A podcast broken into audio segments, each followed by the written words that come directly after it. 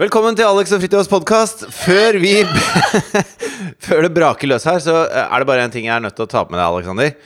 Fordi eh, jeg har sett at det er en hashtag på eh, Twitter som trender om dagen. Me too. Ja, den også, men nå er den i ferd med å bli overtatt av ikke bra, Livin. Det er ganske mange som er misfornøyd okay. med måten du har løst denne utfordringen på. Så synd, da, for det er Livin! Nei, nei. Ved å la Suckers! din kompis Karsten bare si Kan ikke du si tre helt normale delsetninger i løpet av en time, og så er det greit? Da er du you're off the hook. Altså, det, det greiene holder ikke. Vi hadde et veddemål. Jeg er på lag med våre kjære lyttere. Som hadde, jeg, fått, jeg fikk tekstmelding av søstera mi klokka halv to i natt. Bare dette, dette holder ikke. Nå har vi venta i månedsvis på at Alex skal komme med denne standupen sin. For nye lyttere så tapte Alexander en konkurranse oss imellom i regi av Livin, hvor vi hadde et slagord som het Bra Livin. Bra, Livin! Eh, nå begynner det å endre seg til ikke bra, Livin, fordi Alex eh, nekter å gjennomføre straffen. Det Tror jeg skal Livin, ha tror du Livin bryr seg dritmye om det? For de er jo kjøpt opp av uh, Skipsted nå, av Finn. Så sånn sett tenker jeg det er økonomisk set for life, tenker Ja, men vet du hva? Jeg driter i Livin. Det jeg bryr meg om, er at jeg skal ha premien min, for jeg vant over deg. I regi av Livin. Men jeg, altså eh, Martin Jonsrud Sundby kom på fjerdeplass i dag. Eh, men han driter i liksom eh, arrangementskomiteen i Pyeongchang. Han bryr seg bare om liksom Dette er medaljen min, som akkurat glapp. Jeg vil ha medaljen min, Alex. Og det, som, det jeg skal ha, og det skal jeg ha neste uke, det Ja, la er la meg Hør nå først- hør nå først forklare nei, litt Nei, jeg driter i forklaring. Hør nå. Jeg skal ikke okay. ha noe installasjon. Jeg skal ikke ha noe, noe kreativ løsning på et slags sånn, slags sånn der, eh, Dette er eh, monumental poesi fra tidlig 60-tallet i Dresden. Jeg skal ikke ha noe jævla kvasiintellektuelt fjada. Jeg skal ha standup fra deg. Første setning skal være Vet du hva som skjedde meg på trikken her om dagen, eller? Nei, du kan ikke Sånne ting kan du ikke komme og, og kreve. Jo, altså, hvis jeg skal lage det, så må jeg jo få lov å frie kreative tøyler. Nei, de frie kreative tøylene trår inn i kraft etter setningen 'Vet du hva som skjedde meg på trikken her om dagen?' Eller. Og tre minutter derfra. Og det skjer neste uke. Jeg gleder meg. Det gjør lytterne også. tre minutter? I hvert fall tre. Var det fem vi avtalte? Ja. Hva var det? Nei, men nå Hva var det? skal vi se, Var det fem, eller? Sa du for tre, da. Ja, men Nå kan du se på meg på mange måter som podkastenes Chopin, da. Fredrik Chopin. Ja, men det er det jeg er lei av. Jeg har lyst til at du skal være eh, podkastens Ørjan Burå. Burø, for faen. Jeg driter i Det er altfor mange vokaler på slutten av navnet hans. Ja, Det har du helt rett i. Litt som den gamle Arsenal-keeperen Chesney, som hadde sånn seks konsonanter etter hverandre. Men det er jo en annen sak. Det kan jeg kanskje bruke i standupen. Uansett, da. Grunnen her er jo litt at jeg er podkastenes Chopin. Chopin han var jo en enormt god eh, komponist. Men, og han var jo en, en wunderkind à la Mozart. Skulle jo revolusjonere klaverspillet, selv om han hadde, i likhet med meg, ekstremt små hender. Det er for meg Oppi mitt hode så er det, det Hvem er det som er kjent om dagen for å ha små hender? ja, det er Trump, da. Trump, Ja. meg og Chopin. Eh, men hør nå, da. Grunnen til at jeg tenkte på Chopin, var at i likhet med han, så skyr jo jeg konsertscenene. Han gjorde det selvfølgelig pga. sin dårlige helse. Han døde jo jævlig, jævlig ung. Uh, og eh, hvis jeg skulle prøve å dra analogien lenger Chopin ble vel på en eller annen måte en spydspiss for den første turismen. Han reiste jævlig mye med en sånn amerikansk forfatterinne som tror jeg het Sand eller noe sånt nå. Eh, på den måten er jo jeg også da en slags turist i tankevirksomhet her i podkasten. Han dør som Mozart ung. Jeg har jo ikke lyst til å gjøre det også. Jeg frykter at jeg kommer til å nærme, altså komme nærmere podkastdøden hvis jeg tv påtvinges sånne her uh, oppgaver. Du tapte konkurransen. Du skyr deg ingen scener. I alle sammenhenger jeg møter deg, så har du lyst til å stå på den scenen. Du det eneste du har felles med Chopin, er dine små hender. Kom igjen, step it up. Det skjer neste uke. Ferdig snakka. Nå kommer vignett, og så starter vi.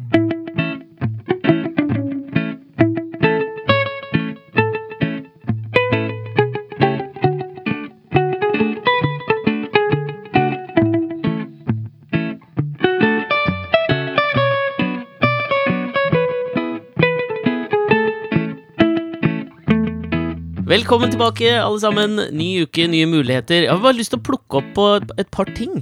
Ja. Eh, eh, som du sa i starten her, da. Fordi eh, jeg har hatt én skjellsettende opplevelse denne uken her. Oi. Og jeg har hatt besøk fra mm, Dubai denne uka her. Så jeg har hatt en workshop med en del TV-personer fra Dubai som kommer hit for å lage Lost in Time, som vi lagde før. Og så fikk jeg en veldig god tone med den ene Eller med, med alle. Sjeiken. den ene sjeiken. En av de som, en av de som var her. Så vi, og, og, og de eh, i deres kultur, så når man på en måte kommer på besøk til et annet land og vi skal samarbeide og sånn, eh, så er det veldig viktig med den eh, representasjonen etter at man liksom har jobba. Mm. Så skal man ut, og man skal spise, og man skal prate, og man skal på karaokebar, osv. Var dere på karaokebar? Jeg har faen meg vært på karaokebar to ganger den siste uka. Jeg. Oi. Det er mer enn jeg har vært hittil i livet. Har jeg Men det går, jo sånne, det går jo sånne rykter om at det, sant, fra forskjellige land så har de forskjellige sånn kutyme. Altså hvis du tekkes noen kinesiske forretningsmenn, så skal man liksom eh, ha møte, og så skal man spise middag, og så skal man gjøre dette. Og hvis det er folk fra Jap Japan, ser jeg for meg er veldig sånn karaokete. Fordi at Tokyo er jo kjent for sine eh, både eh, toppklasse og bunnklasse karaokebarer. Og det er noe som er veldig eh, det, er, det er de veldig glad i der borte. Ja. Men jeg visste ikke at det gjaldt At karaoke var stort i Dubai og, og Midtøsten generelt. Ikke jeg heller. Altså Alle de som var på besøk her, er fra Libanon. Ja. Eh, så det er tydelig at Libanon eh, At det der er Skal vi si at det er Midtøstens Japan, da. ja. Eh, Men, men hvilke var- sanger er det de er opptatt av? Ja, det er jo fascinerende. Akkurat det, tenker jeg. Fordi da, man, Det er jo alltid noen som må ta det der tunge ansvaret, tenker jeg, og liksom dra Første- i gang karaoken. Den første sangen? første sangen. Første sangen jeg tenker på med en gang, er den derre greske mwah, mwah. Husker du den? Ja, Åssen går den? Er det er noe sånn biri, biri, biri. Amma, ma. Ja, nei, jeg skjønner hvilken du mener. Jeg husker ikke helt hvem det er som synger den. Ekstremt Libya karaokekompatibel låt, føler Ja, jeg. men I hvert fall Libanon, da. Ja. Eh, ja, men jeg tenker Det som er jævlig viktig hvis du har lyst til å sette en tone i Her snakker som en ekspert etter å ha vært på karaokebar to ganger. Men det jeg tror er viktig, er å sette tonen Var du på syng, da, eller? Ja, jeg var på syng, ja. Begge gangene. Jeg var på syng og syng mer. Å ja. Det er, ja, for det er de to go to karaokebarene i Oslo. Ja, det er det eneste jeg vet om. Ja, jeg òg. Uh, men uh, for min sånn go to-ting, som jeg tenker sånn Denne her er bra å starte med, så tenker jeg automatisk på uh, vår gamle regissør, som heter Raymond. Ja. Han hadde, ha, vi har jobbet med han før. Han dro alltid i gang Mustang Sally, sa han, når han skulle ut på karaoke, for han var så dårlig til å synge. Og da var liksom Mustang Sally Da han liksom lowered the bar. Ja, sånn at ja. alle følte at liksom, nå er alt greit. Ja, For du har jo ikke lyst til å liksom eh, starte med I Will Always Love You med Whitney Houston? Og så naile det. Og så Fordi da er det jo ingen som tør å synge etter deg. Nei, nei. Så det gjelder liksom Jeg syns jo Mustang Sally kan være veldig bra. Nå, nå har jeg jo en annen da som, som en kollega av meg begynte med, som jeg tenker også er veldig sånn Dette setter tonen bra, fordi han sugde til å synge, og så sang han nein, den 99 Luftballons.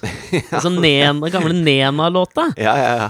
Og det tenker jeg det er også en sånn veldig sånn bra eh, stemningssetter. Men det som slår an hos eh, libanesere, overraskende nok rimelig likt, altså. det er jo 90-tallshits. Ja, Backstreet Boys, eh, Savage Garden. ja?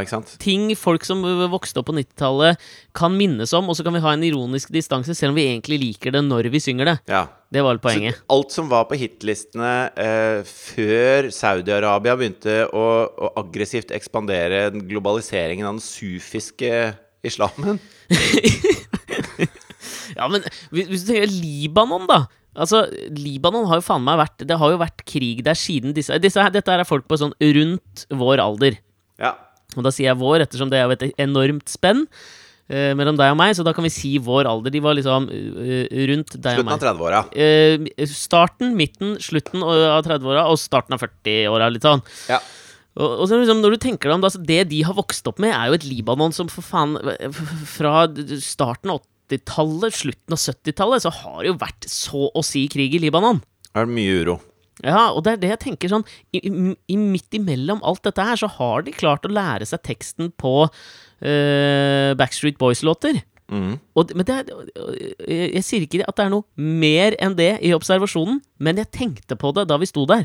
Dere har hatt tid til dette her mellom alt, ja. Men det er litt som, det er litt som å si Tid er vel kanskje feil ord å bruke, da. Dere har hatt overskudd eller mulighet, eller liksom Dette har dere klart å gjøre til tross for at det har vært kaos rundt dere i alle tider. Jo, men det er litt som det der argumentet at uh, uteliggere har mobiltelefon, og, og at de har en pakke røyk, liksom. Og, si at eh, fader, du har jo ikke penger til noen ting, og så plutselig sitter du der med en telefon og en røykpakke. Eh, hvorfor bruker du pengene dine på det? Er du helt eh, idiot? Nei, men Nå tenkte jeg ikke at det var idiot, men jeg tenkte mer at jeg Nei, var nei, imponert. Men, men det er sånn folk eh, Altså, det er sånn mange snakker om, om folk som bor på gata. Mm. Og når folk er vokst opp i et, uh, i et land hvor det er sinnssykt mye uro, så tenker jeg at de har desto større behov for nettopp å gå og synge på Backstreet Boys av og til. Du trenger å Altså, det, det, er, det er helt nødvendig. Det er mye mer nødvendig for dem enn for oss å gå og synge på Backstreet Boys. Ja, Karaokens iboende eskapisme. Ja, at du bare av og til så må du bare synge Backstreet's Back, fordi du trenger å tenke på noe annet enn det som skjer utafor vinduet ditt. Det er helt riktig. Det er egentlig mer overraskende at vi kan teksten på Backstreet Boys-låtene. Ja, det er det. Men uansett, dette var på en måte en digresjon fra dit jeg skulle, fordi eh, vi, eh, vi sitter rundt middagsbordet den første kvelden. Og dette er jo tidlig i vår relasjon. Vi prøver jo å bonde ettersom vi skal tilbringe veldig mange måneder sammen i en TV-produksjon. Og da, som vi har prata om før, så kommer man jo inn i den bobla, og man blir godt kjent og sånn. Så dette er jo, dette er jo forretten eh, som man skal bare bli litt opphisset av og, og, og glede seg til hovedretten på. Det er viktig å liksom operere riktig sosialt og være blid og hyggelig, så man danner et bra grunnlag for å samarbeide sammen senere, ikke sant? Mhm. Og så kommer det eh, på et tidspunkt i middagen en atombombe av et samtaleevne som jeg, jeg har aldri opplevd noe som på en måte endrer løpet av en kveld eller av min oppfattelse av noen på lignende måte. Aldri! Jeg har ikke vært i nærheten, liksom! Ok. For da sitter jeg og, er, jeg kan jo ikke le heller, for det er ordentlig alvorlig, liksom. Og så, Ja. Vi sitter her og prater eh, helt løst og fast, og så prater vi litt om oppveksten vår, og liksom hvor vi er fra, og bla, bla, bla. Og så sitter jeg da og prater med to av de gutta som kommer, eh, og han ene er, han er sjefen, og, og, og hierarkiske strukturer der er nok tydeligere enn det er hos oss. Ja. Så ha, han styrer veldig ofte samtalen. Sjefen er mer sjef. Ja, han er mer sjef. Ja. Uh, dette er ikke meg som vurderer det noe normativt, dette er bare meg som beskriver. ja. Um, uh, og han andre uh, Superhyggelig kar, liksom. Vi, vi tre sitter og prater, og så plutselig på et tidspunkt så sier da han sjefen om han andre Sånn tydelig, høyt og liksom Så sier jeg Uh, Ja, nå skal jeg jo ikke si navnet hans, da, det trenger jeg ikke gjøre, men uh, la oss kalle han øh, Per. øh, hm? Per? La oss kalle han Per. Det klassiske libanesiske navnet Per. Ja. Uh, you know, uh, Per was uh, raped a lot as a child. Ok. Skjønner du hva jeg mener? Altså, det er jo Altså, en, Men i hvilken sam... Altså, hvordan det dukker jo opp noen spørsmål i hodet mitt da, og ja, men altså, hva, hva, var, hva var setningen før det, liksom? det husker jeg. Yes, uh, the, the, the encore was excellent, and Per was raped. Altså, hvor, hvor kom man Hvordan kom man dit? Ja, men, vi pratet liksom ikke så langt unna sånn vi to snakket om Libanon nå. Fordi jeg, jeg var litt interessert i å høre på en måte hvordan det har vært å, å vokse opp. Ettersom vi var på samme alder, og sånn, så hadde jeg så lyst til å høre litt om hvordan det var for dem å ha vokst opp et sted med så Altså under så tumultiøse omstendigheter. Så det var liksom det vi var liksom innpå å snakke om, liksom hvordan oppveksten var. og så og, så, og, og de to gutta hadde levd et veldig sånn beskyttet liv. De kom fra velstående familier. Eh, og, og det kommer jo i oppfølgingen til denne historien, da, hvor på en måte rape-bomben bare droppes ned på det bordet som en jævlig svær dimsum-platter av faenskap, liksom. Jeg tror ikke jeg hadde visst hva jeg skulle si. Jeg, da. Nei, hva faen sier du da? Fordi problemet da er jo at han andre, han som har blitt raped, han liksom Han, han ler liksom litt, men, men ler han Altså, det første jeg tenker er jo Når dette er jo bare kødd. Så jeg prøver jo bare å dra samtalen litt, og jeg bare liksom ha-ha-ha, very funny, drar det videre, liksom. No, no, no! He was raped a lot! He was raped a lot when he was a child. Ok. Og så er jeg sånn, skal jeg ta dette på alvor, eller driver de og janker my chain akkurat nå? Mm. Så tenker jeg jo sånn Og da, man rekker jo å tenke gjennom jævlig mye på kort tid når sånne ting skjer. Så jeg tenker sånn først Hvis jeg nå ikke Hvis jeg nå tar det på alvor, og det er kødd, så blir jeg liksom han blåøyde nordmannen som tror på alt. Heller det, tenker jeg, enn å bli han som bare gjør narr av han som har hatt en forferdelig oppvekst. Ja, fordi det var jo det jeg endte på også. At jeg liksom sånn Ok, men øh, jeg har tusen spørsmål. Hva, hva faen er greia, liksom? Og så begynner han jo å fortelle, da. Ja. Og det, det var ikke kødd. Altså, det skjønte jeg jo etter hvert. da, Det var jo ikke kødd. Eh, så greia var at han kom fra en ganske rik familie som hadde en Men når han forteller dette, er det, er det, er det vondt for han liksom å dele det Nei. med dere, eller er det en samtale, bare? Det er bare en samtale. Det er dette her som slår meg altså, i bakken. Men det er jo sikkert Altså Nå skal ikke jeg uh, påberope meg at jeg vet hvordan det er å vokse opp i land som er, blir herja av krig på Nei. den måten som det, det har vært der, da. Men, men alt settes jo i kontekst, ikke sant? Eh, Ja, men hva faen er kontekst? jo, men ikke sant, hvis, hvis fetteren din har blitt skutt, og, og eh, hele familien din har blitt plukka av én etter én pga.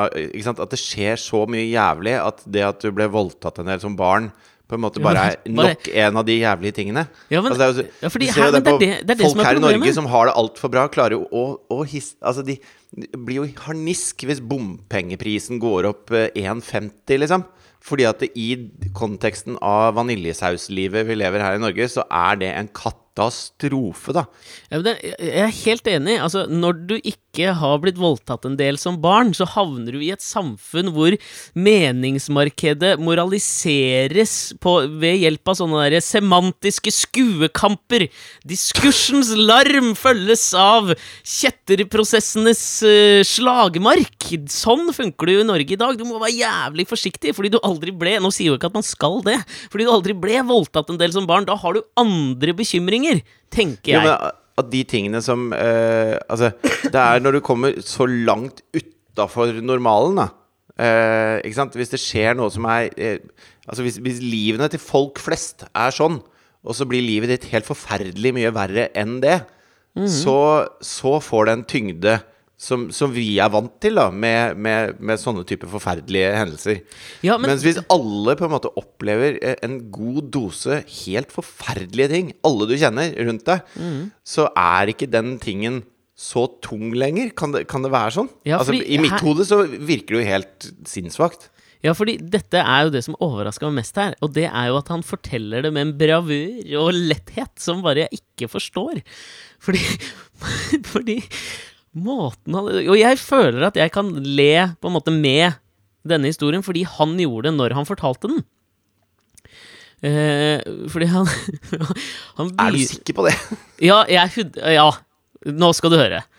Fordi han begynner jo da med å fortelle at um, uh, Yes, because uh, you know, Alex, um, I have a, a really, really big dick.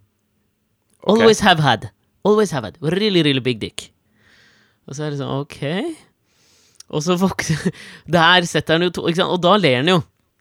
Og så tenker jeg sånn, ok, hittil ler jo ikke jeg i samtalen. Jeg ler jo nå, men hittil i samtalen vår ler jo ikke jeg av dette her. Ikke jeg heller. Nei. Men, øh, men liksom, når det begynner, så merker jeg liksom sånn Ok, er, er det hva- er det som skjer nå? Uh, og, og så fortsetter han med at øh, de var, han, de var ganske rike, familien hans, da han vokste opp. Så han hadde en øh, sånn en nanny som, som bodde hos dem. En, en slags, en slags au pair, da, men han kalte det nanny. En barnevakt som bodde hjemme Ja. som var fra Sri Lanka. Og hun Hun hadde eh, kommet inn på rommet hans en dag. eh, og hun hadde Han var jo en, en liten gutt, men han, han hadde jo ifølge seg selv så enormt stor tiss. Så hun hadde følt det passende å, å lære han opp i sexens irrganger. Hva, hvilken alder snakker vi her nå? Dette høres jo helt Ja, ikke sant? kokos ut. Ja. Altså, her sa at han, han var sånn rundt sånn t- t- 12-13 år, kanskje 14, liksom. Ja. Eh, og når hun først hadde da åpna den døra, så Ja. skjedde dette her eh, liksom, så å si på en daglig basis. Ok. At de hadde uh, At hun hadde sex med han. Ja. Uh, og, og grunnen til at han trodde at det fortsatte, var at hun syntes det var helt uh, supergodt, da, siden han hadde så stor tiss, til tross for sin alder. Mm. Men så, på, på et tidspunkt der, så skulle de da bytte nanny. Og da, hadde, da skulle han få en ny nanny fra India. Eh, hvor de, hun nye nannyen bodde i huset samtidig med hun gamle i en ukes tid for en slags overleveringsprosess og innføring i rutiner. Hun ble da også innført Visse rutiner Ja, burde jo da kanskje ikke videreføres, eller? Det kan jeg jo da bekrefte, ifølge han, at det ble absolutt videreført. Så da tok da altså denne inderen over Ja, hva faen kaller man det? Det er jo det er jo voldtekt. Dette her er bare tull. Dette her, De ler seg i hjel i, i, i, palasset sitt i Dubai akkurat nå. De hva? ler seg i hjel. Det var så lenge jeg trodde dette her, men eh, du du vet du kan kjenne på stemningen. Så selv om han liksom ler og tuller og litt sånn, så hadde han så på en måte inngående beskrivelser at jeg, jeg tror ikke han liksom kunne funnet det på der og da. Nei. Fordi han liksom fortalte videre om liksom hvordan Uh, Og det var jo dette som fascinerte meg. Altså, jeg bare tenkte på det der Grunnen til at jeg kom på det, var jo at uh, i starten så har du Det er en hashtag som trender på Twitter, liksom ha-ha metoo.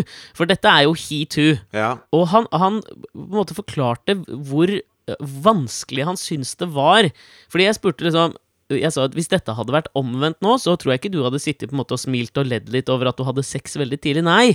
Og det syntes han var dritvanskelig. da fordi han, i utgangspunktet, så syntes han det var liksom sånn litt stas, dette med sex. Mm. Eh, som ung gutt. Altså, når du er på den alderen, så er jo det liksom noe av det mest spennende som fins. Ja, det er, det er en sånn stor dør som er helt stengt, men som du virkelig har lyst til å titte på den andre siden av. Det husker jeg jo veldig godt fra jeg var sånn eh, Altså ungdomsskolealder. Ja, ja.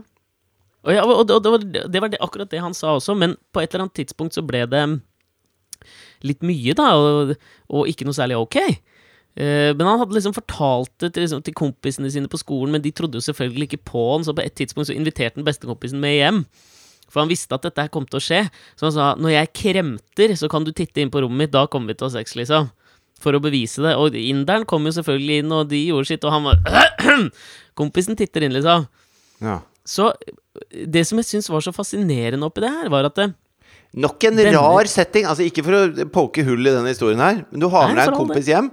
Eh, jeg går ut fra at foreldrene ikke er der, mens hun eh, indiske nannyen forgriper seg på barnet jeg deres. også Jeg går ut ifra det, jeg også. Jeg tror, tenker jo at grunnen til at du har en nanny, er at foreldrene dine jobber en del, da. Ok, så la oss forestille oss dette her. Jeg, altså, han har med en kompis hjem, og så går han inn på rommet, mens kompisen sitter nærme nok rommet til å høre et kremt. Ja, nei, greia var vel her var jo at Og da kommer altså barnevakten, og så begynner de å ha seg Barnevakten vet jo nødvendigvis at han har med en kompis hjem. Nei, det var greia, da. Hun, hun visste ikke at kompisen var med hjem. Da hadde det jo ikke skjedd. Så han sa jo liksom sånn Du, du sniker deg inn eh, når jeg, liksom en halvtime etter at jeg har kommet inn. Hvis jeg kremter, da, så kan du titte inn på rommet, så kan du se at jeg har sex med hun. Så, Så tror du på meg, liksom. Eh, og, og dette hadde han kompisen gjort, da. De hadde liksom ledd og ha-ha-ha, det var stas, og du er kongen på skolen og. Men det er jo faen meg et jævla fascinerende aspekt, dette her, at det, på et eller annet nivå føler jeg at det liksom For han så var det forventa at han skulle synes at det var litt kult. Ja, og det Og er det, er jo den, det er det nøyaktig motsatte og- av hvis rollene hadde vært motsatt vei. Altså, det er jo et annet uh, Altså, kjønnsrollemønsteret er jo annerledes i Altså, Ja, ja. i Midtøsten så er det jo mer sånn som det var i Norge for, for ganske lenge siden. Altså, Mm. likestillingen har beveget seg veldig langt i Norge i forhold til i Midtøsten generelt. Uh, også, og det er jo ikke så lenge siden på en måte uh, menn som sa at de hadde blitt seksuelt misbrukt av kvinner, ble liksom latterliggjort i Norge. Mm. Eh, og i et veldig sånn patriarkalsk samfunn, noe det er mye mer eh, i Midtøsten, Ja, ja, ja. så kanskje det liksom har vært umulig for han å, å snakke om hvordan det har vært forferdelig. Og da har han gjennom hele sitt liv vent seg til at dette er en historie jeg må fortelle som en morsom historie.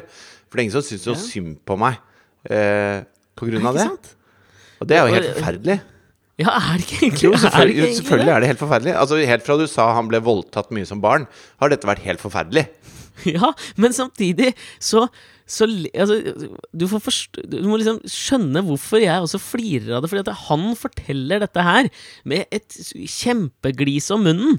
Men det er litt sånn derre Hva er det klovnen heter? Pagliacci? Ja. Det er litt den følelsen jeg sitter med dypt inni magen. Men samtidig så føler jeg jo da at det er for tidlig i han og mins relasjon. At jeg på en måte skal gjøre dypdykket i hans syke og finne ut hvordan Hvordan har dette påvirket ditt forhold til din kropp, kvinnekroppen og seksualitet generelt? Man går jo ikke dit rett før man hopper på karaokebar og synger 99 Luftballons, ikke sant?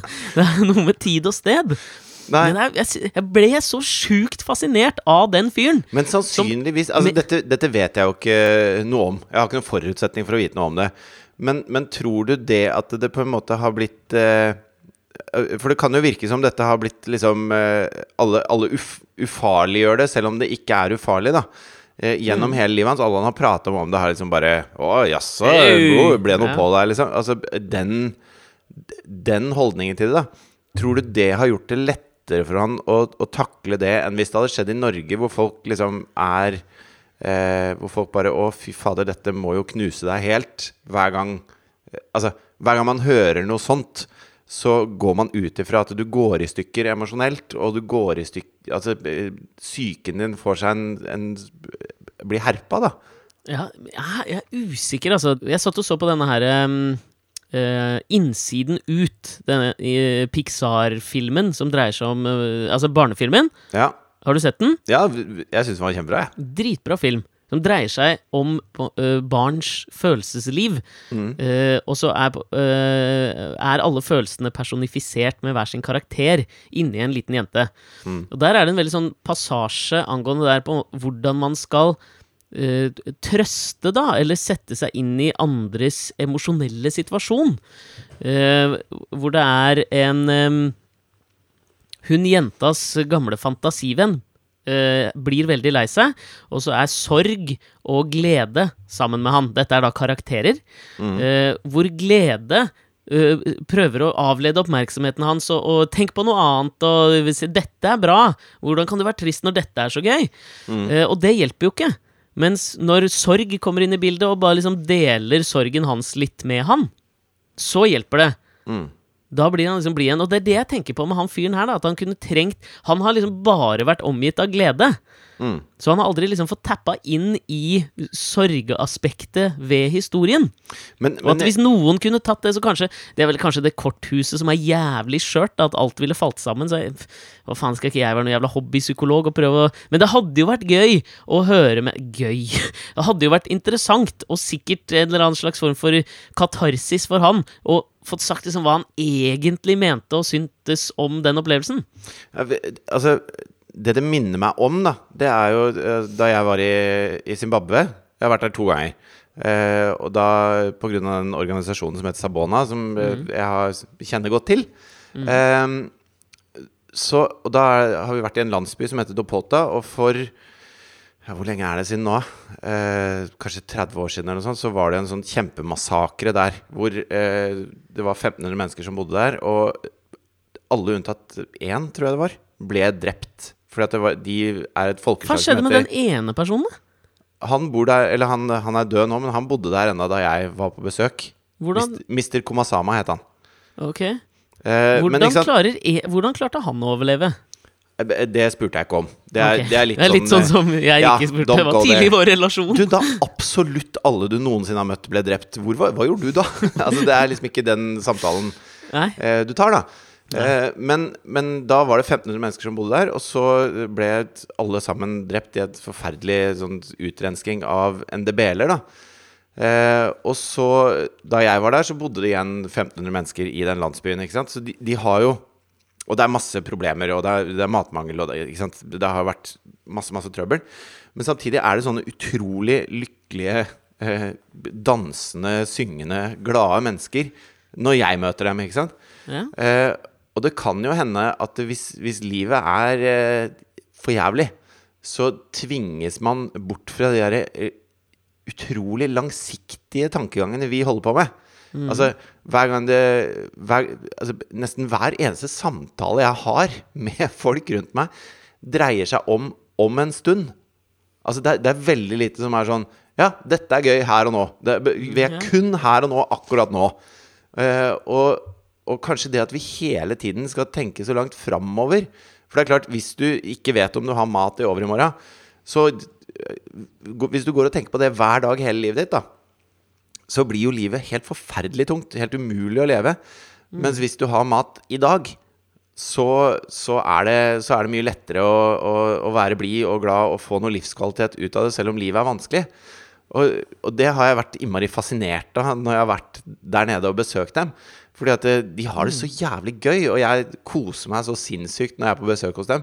Samtidig som inni meg så sitter jeg og ser på på en måte Fy faen, det er tungt, liksom. Det livet de lever, er grisetungt. Men det, det er fascinerende, fordi det, Hva het den der boka til Thomas Hylland Eriksen som han skrev for noen år siden, et, uh, som var 'Øyeblikkets tyranni'? Jeg tror ikke det er det Vi lever ikke i det. Vi lever i på en måte framtidens tyranni. Fordi det er jo et eller annet med dette her å ta, glede, liksom, ta gledene på forskudd.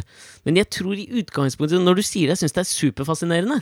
Fordi jeg tar jo aldri gleder på forskudd. Jeg tar alltid utelukkende sorger på forskudd. Nei, du sitter jo ikke og nyter uh, Du sitter jo ikke i sofaen en tirsdag i februar og nyter sommerferien din. Nei, det, nei. Det går jo ikke an. Om man gleder seg eller mulig sånn altså, jeg tenker jo at noen som har mer peiling på dette enn oss, liksom sånn psykologer eller eh, noen utdannet innenfor det, vil jo sikkert si at det, det er sunt å eh, Sånn for den mentale helse, og sikkert gjennomgå noen prosesser hvor du bearbeider ting. Ja, men der, der har jo liksom ekspertveldet gått fram og tilbake, da. Altså, eh, på, på 90-tallet så skulle jo alle forferdelige hendelser skulle du gjennomleve en gang til. Det var det psykologstanden drev med, liksom.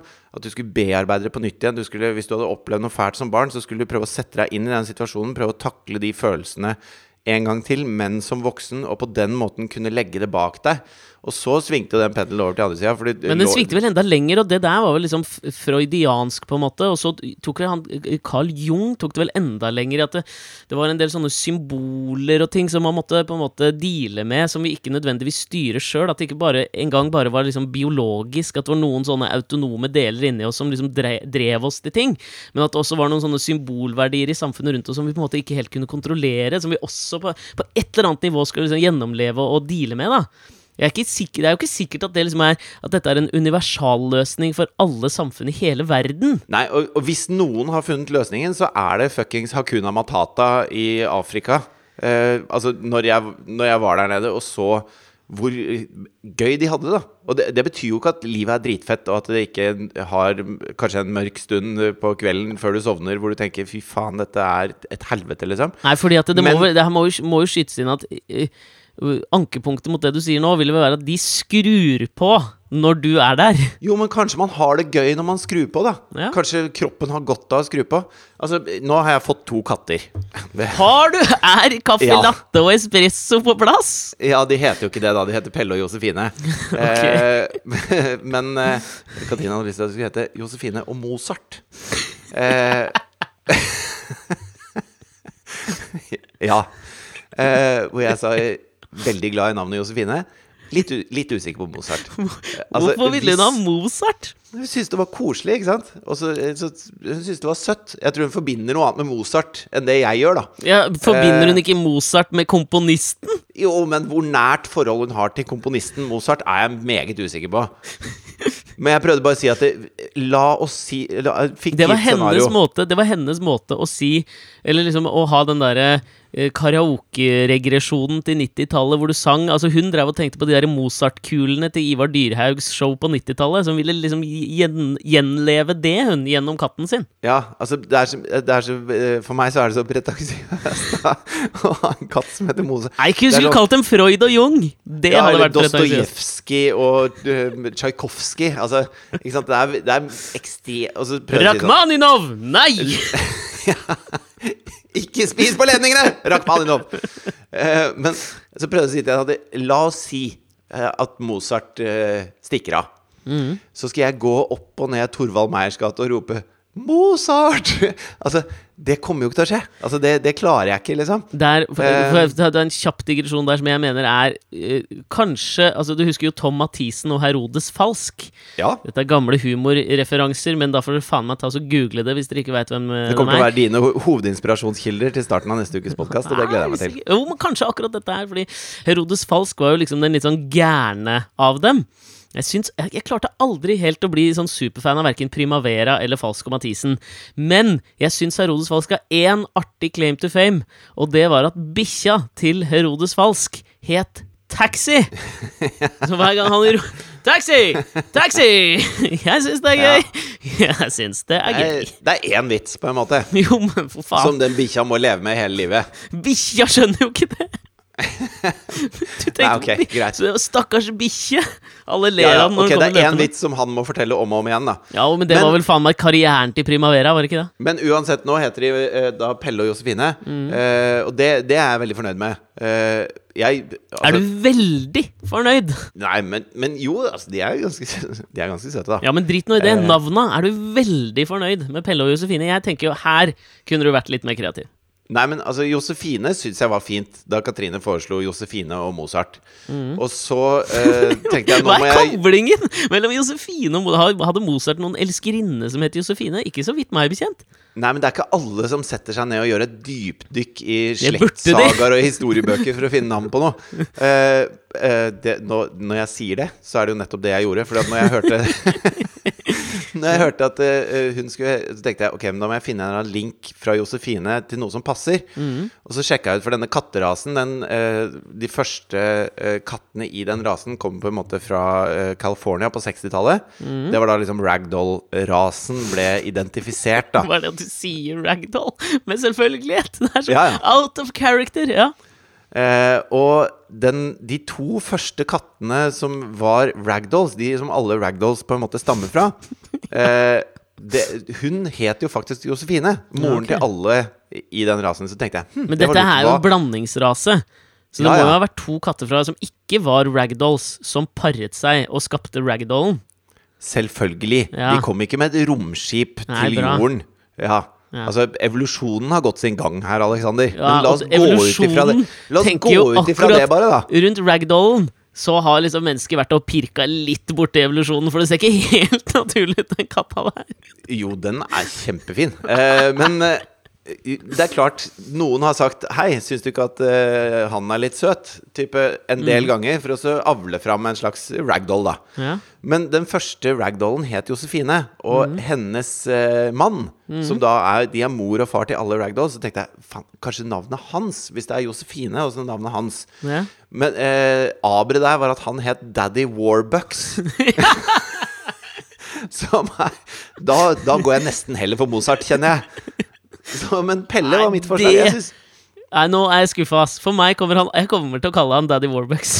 Daddy Warbucks er ganske Det er kult, da. ganske raft, da. Hvor ofte kommer ragdoll-katten din til å stikke av, og du føler at du må drive og rope på den? Det Er faen meg verdt å stå og rope Daddy Warbucks innimellom? Nei, men altså bare så, Da er du på veterinæren. Da. Ja, hva heter katten? Daddy Warbucks. Så ok. Men det jeg skulle fram til Vi, vi prata jo om noe, noe ordentlig her. Ja. Eh, det er at eh, jeg har latt meg fascinere av katter de siste, siste halvannen uka. Du har det, ja? Katt, ja. Fordi når man får kattunger, så er man jo litt sånn interessert i hva er det som What makes them tick? ikke sant? Hva syns de er gøy? Hva syns de er dritt? Åssen er det det funker? Når skal de ha mat? Hvor skal de bæsje? Ikke sant? Man prøver å sette seg inn i Hva, hva er disse, disse eh, vesenene her? Det er jo levende vesener som som evner å uttrykke sinne, glede, sorg, smerte. Alt som fins i filmen innsiden ut, på en måte. Jeg vil, jeg vil ikke påstå at ragdoll er den mest ekspressive katta, ass. Nei, men eh, når du kjenner dem, så leser du de små tegnene, ikke sant? Men så, så s- Det, det jeg syns er mest fascinerende, da, det er, og det gjelder eh, Det gjelder jo nesten alle levende vesener, er at eh, har du mat og, og liksom de, de derre De behovene dekka, Basale behov. Så er resten er liksom kos, lek eh, ja, Skal vi ikke bare ha det litt gøy her nå? Eh, Hva kan vi finne på? Det er ikke noe som skjer. Ok, da bare sover jeg litt og lader opp til neste runde med kos, lek og gøy. Altså, det er null frampek. Det er ikke noe sånn Fy fader, nå, hva skal vi gjøre til sommeren, Mozart? Det er ikke noe Altså, de, de er ikke der i det hele tatt. ja, men du skjønner, ikke sant? Ja. Eh, Når vi legger oss i kveld, vil du sove innerst eller ytterst på den der saueskinnsfellen, eh, Josefine? Eh, hva tenker du, Daddy Warbucks? Det er ikke noe De driver ikke med det! De bare er eh, her og nå, liksom. Og så tenker jeg at kanskje det Det er jo litt den derre vi beveger oss på en hårfin grense mot å være en jævla billig selvhjelpsbok akkurat nå, ass. Men ja. Jo, men, men dette, dette sitter jeg jo Altså, man, man sitter jo og, og leker med dem og holder på med dem og ser hvor gøy de har det. eh, og, og blir jo nesten litt sånn misunnelig av og til, sant? Fordi at det, det, det virker jo ganske problemfritt å være ragdoll hjemme hos oss. Eh, det, det virker som en grei eksistens. Altså, det er til enhver tid mat og vann tilgjengelig. Du har en seng, og så har du det gøy. Altså, eh, that's it. Det er ikke noe særlig mer enn det. Så du ville Eh. heller vært lykkelig uvitende enn liksom vitende ulykkelig. Der ligger jo ikke jeg. Nei, men jeg sier kanskje Kanskje pendelen har svingt litt langt, da. Ja. At vi er At det, kanskje man kan ha litt viten og litt lykke samtidig. ikke det, Nå virker det som jeg maler et sånn utrolig mørkt bilde av livet mitt. Eh, det er det ikke i det hele tatt.